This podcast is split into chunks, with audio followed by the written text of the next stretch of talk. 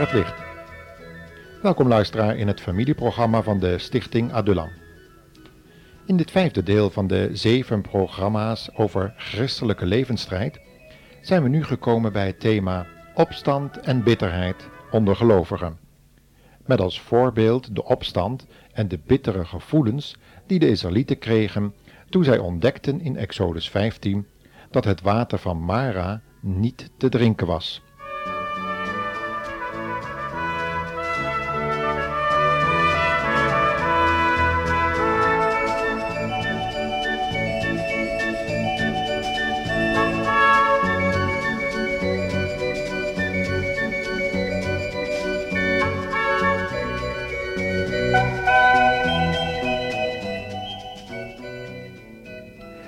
Hadden die Israëlieten gezongen, daar aan de overkant van de Rode Zee?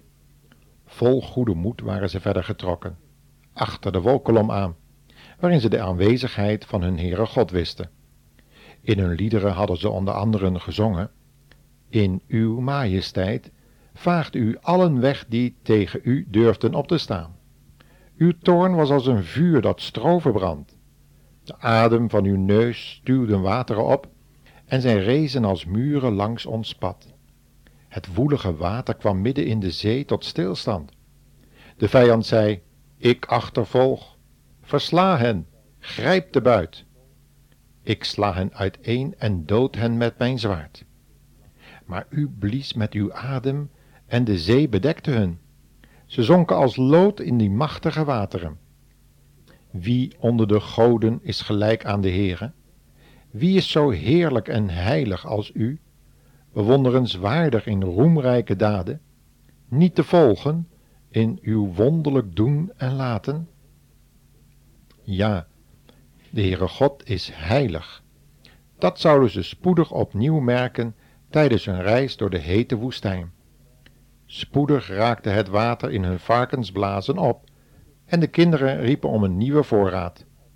Tja, Waar moesten ze nu dat water in die hete woestijn vandaan halen? Hoe zou Mozes daarin voorzien hebben? Vol vertrouwen waren ze op zijn woord achter hem aan de Rode Zee doorgetrokken. Met diep ontzag hadden ze links en rechts de muren van water zien staan. En vol aanbidding hadden ze omhoog gekeken, naar die wonderlijke wolk die zich tussen hen en de woedende achtervolgers had geplaatst. Voor hen was het licht geweest, maar aan de kant van Farao's leger was het angstig donker geworden. Zij mochten in het licht van God hun levenspad verder wandelen, op weg naar het beloofde land. De vijand moest het onderspit delven en hun leven eindigen in diepe duisternis. Die duisternis wordt door de Bijbel het dodenrijk of de hel genoemd, waar de ongelovigen zijn, samen met de tovenaars, de leugenaars, de overspeligen de ongehoorzamen en allen die zich tegen God verzet hebben. Nu reeds zouden deze mensen iets van die eeuwige smarten, die vermeerderd zouden worden wanneer ze een onverderfelijk lichaam zouden ontvangen, ervaren. In principe is de hel niet bereid voor mensen, maar voor gevallen engelen en de Satan. Maar ieder die naar hen geluisterd had en zich had laten verleiden, zou het einde met hun moeten delen. Wat zouden ze dan ook bij de Heer Jezus en zijn gelovigen moeten doen? Op aarde hadden ze hem toch niet nodig gehad? Zou dat nu opeens anders geworden zijn?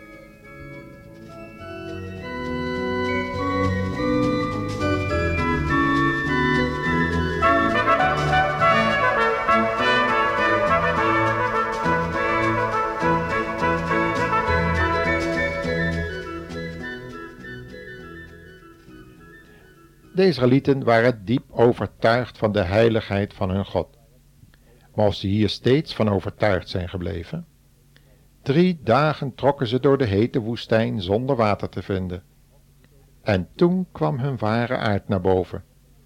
Christenen die zeggen voor de Heer Jezus gekozen te hebben en die beweren dat hun in alles voor de wind gaat, kunnen gemakkelijk dit lied van verlossing zingen. Je kan op dat lied gemakkelijk dansen en springen rond een altaar wat gebouwd is ter ere van God. Je kan vrolijke liederen van bevrijding zingen aan de avondmaalstaver. Maar wanneer het leven alle glans opeens verliest, de omstandigheden zich plotseling tegen je keren en de hoop op de beloofde zegeningen ineens lijkt verdwenen te zijn. Laten we eens lezen of wij onszelf herkennen in die reactie van de Israëlieten. We lezen daar iets over in Exodus 15, vers 22 tot 24. Drie dagen lang trokken ze door die woestijn zonder water te vinden. Zij kwamen aan in Mara, maar konden daar het water niet drinken, omdat het bitter was. Daarom noemden ze die plaats ook Mara, dat is bitter. Het volk keerde zich toen als één man tegen Mozes en zei: Waar halen wij nu water vandaan?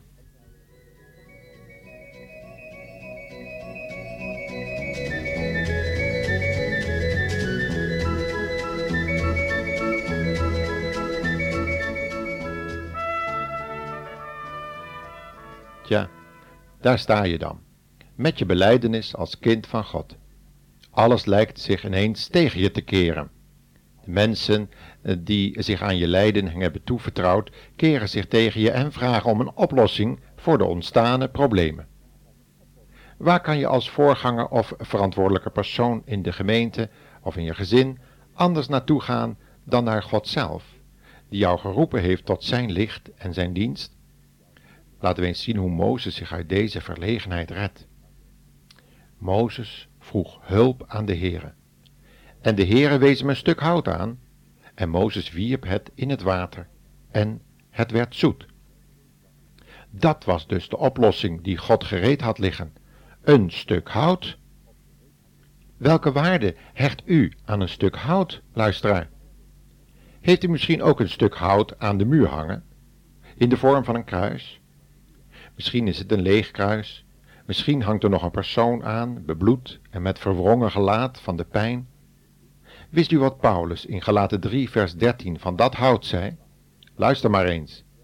Christus heeft ons vrijgekocht van de vloek die de wet over ons bracht, door voor ons die vloek op zich te nemen. Er staat immers, wie aan een paal is opgehangen, is vervloekt.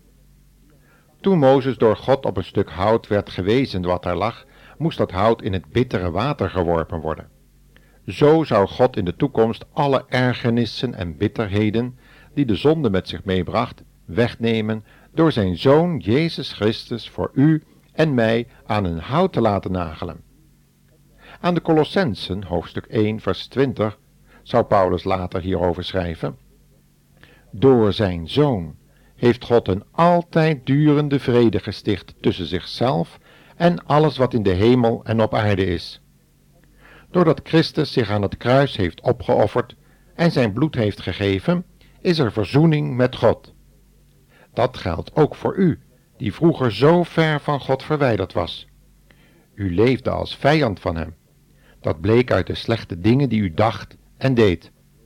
God heeft alles met u goed gemaakt. Hij heeft dit gedaan door de dood aan het kruis van zijn eigen menselijk lichaam zodat hij u heilig en onberispelijk voor zich zou kunnen stellen. Dat laatste gedeelte las ik voor uit een oude vertaling, omdat het iets meer aangeeft waarom God ons op deze manier wilde verlossen. Juist door de problemen van dit aardse leven, waarin we te maken hebben met de gevolgen van de zonde, is het zaak dat wij ons voortdurend herinneren op welke wijze God ons heeft willen verlossen en nog zal willen verlossen alle bittere dingen in ons leven kan en wil God tot een bijzondere en zegenrijke herinnering maken, wanneer we het maar in verbinding brengen met dat vloekhout der schande, zoals het kruis van Christus wel eens genoemd wordt. Die herinnering wordt niet verlevend door een stuk hout te blijven uh, vasthouden. De Israëlieten deden dit honderden jaren na de geschiedenis met de koperen slang, die op een hout omhoog gestoken moest worden. Koning Hiskia moest dat tot afgod geworden symbool van overwinning over de zonde en haar gevolgen zelfs vernietigen. U kunt het lezen in 2 Koningen 18 vers 4. Dikwijls zien we het kruisteken in de oren van jonge mensen en andere plaatsen van het lichaam bevestigd. Vaak nog omgekeerd ook. Een vloekhout der schande. Lopen we daar nog mee rond? Lopen wij zo graag met de vloek te koop? die de Heer Jezus voor onze zonde heeft moeten dragen. Wat zijn we mensen toch snel geneigd om afgoderij te plegen met uiterlijke dingen die God ooit eens gebruikt heeft om ons duidelijk te maken hoe afschuwelijk de zonde in zijn oog is en hoe graag hij deze verzoend zag en op welk een manier. Door de Heer Jezus naar dat kruis te sturen, waardoor hij in Gethsemane zo enorm gezweten heeft, bloed en zweet, omdat hij wist wat over hem komen zou. God heeft echter in onze behoefte aan iets zichtbaars voorzien. Hij heeft een tafel toegericht, een avondmaalstafel met brood en wijn. U kunt het lezen in 1 Korinthe 10 en 11, waar Paulus ons laat zien op welke wijze Jezus wilde dat wij herinnerd zouden worden aan zijn werk op het kruis van Golgotha.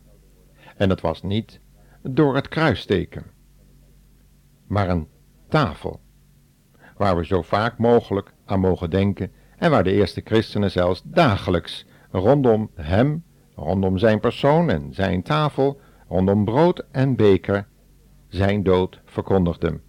Zo worden we elke week herinnerd aan het werk wat de Heer Jezus gedaan heeft op het kruis van Golgotha, op dat stuk hout, wat Mozes nam om het bittere zoet te maken. Wat een geweldige dingen. Willen wij daarnaast, als we niet tevreden zijn met dat wat God gegeven heeft, nog andere symbolen hebben, dan wordt dat afgoderij genoemd.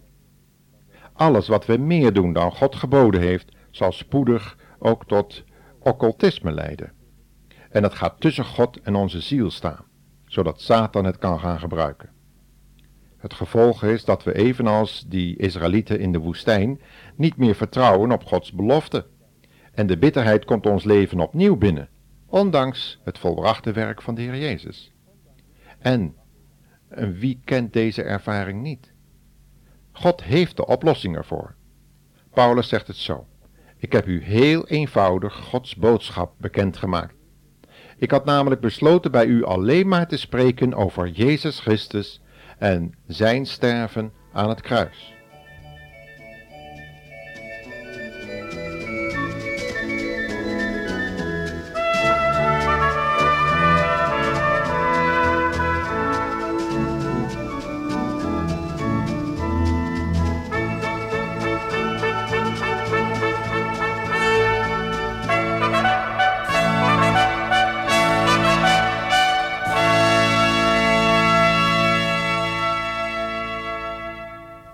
Veel uiterlijke dingen waar de Corinthiërs aan gehecht waren, maar Paulus bracht al die uiterlijkheden tot één eenvoudig symbool terug: het avondmaal en de bediening van het woord in de kracht van Gods Heilige Geest. Niet als genademiddel of sacrament, maar als symbool, als herinnering aan het werk van de Heer Jezus voor schuldige zondaren. Alleen als we ons na onze verlossing en doop blijven herinneren wat er op het kruis gebeurd is, zullen de bitterheden van het leven als zoete herinneringen blijven voortleven.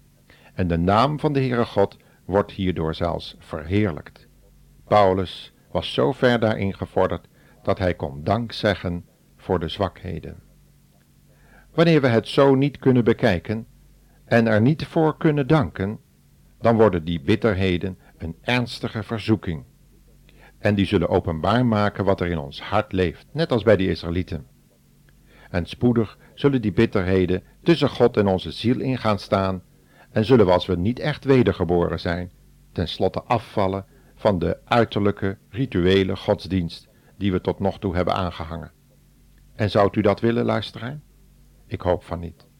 Ook in de bittere tijden van ons leven als christen is er een hoopvolle toekomst. De Bijbel staat er vol van.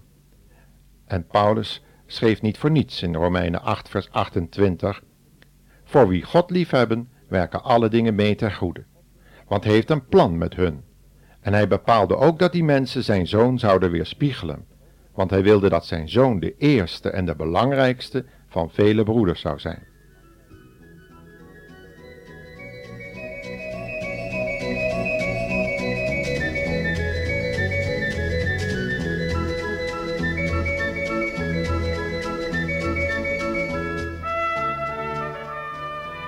Laat de bitterheden in uw leven u niet ontmoedigen, luisteraar. Leg ze gerust in Gods handen. Al die teleurstellingen, uw noden, uw zorgen, uw hopeloze gevoelens en uitzichtloze toestand. Ook als u bijna bezwijkt onder de teleurstellingen van het leven in deze woestijn, is God in staat u ongedacht uit te redden. Vertrouw op Hem. Hij wil u helpen. De Heer Jezus was zelf vermoeid en zat daar bij die bron, waar hij met een zonderes sprak en haar dat levende water aanbood. En dat wil hij u vandaag doen. Ontvang het uit zijn hand en u heeft eeuwig leven. Wat een geweldige boodschap voor schuldige, hopeloze, vermoeide mensen. Die mogen bij hem uitrusten. God zegen u.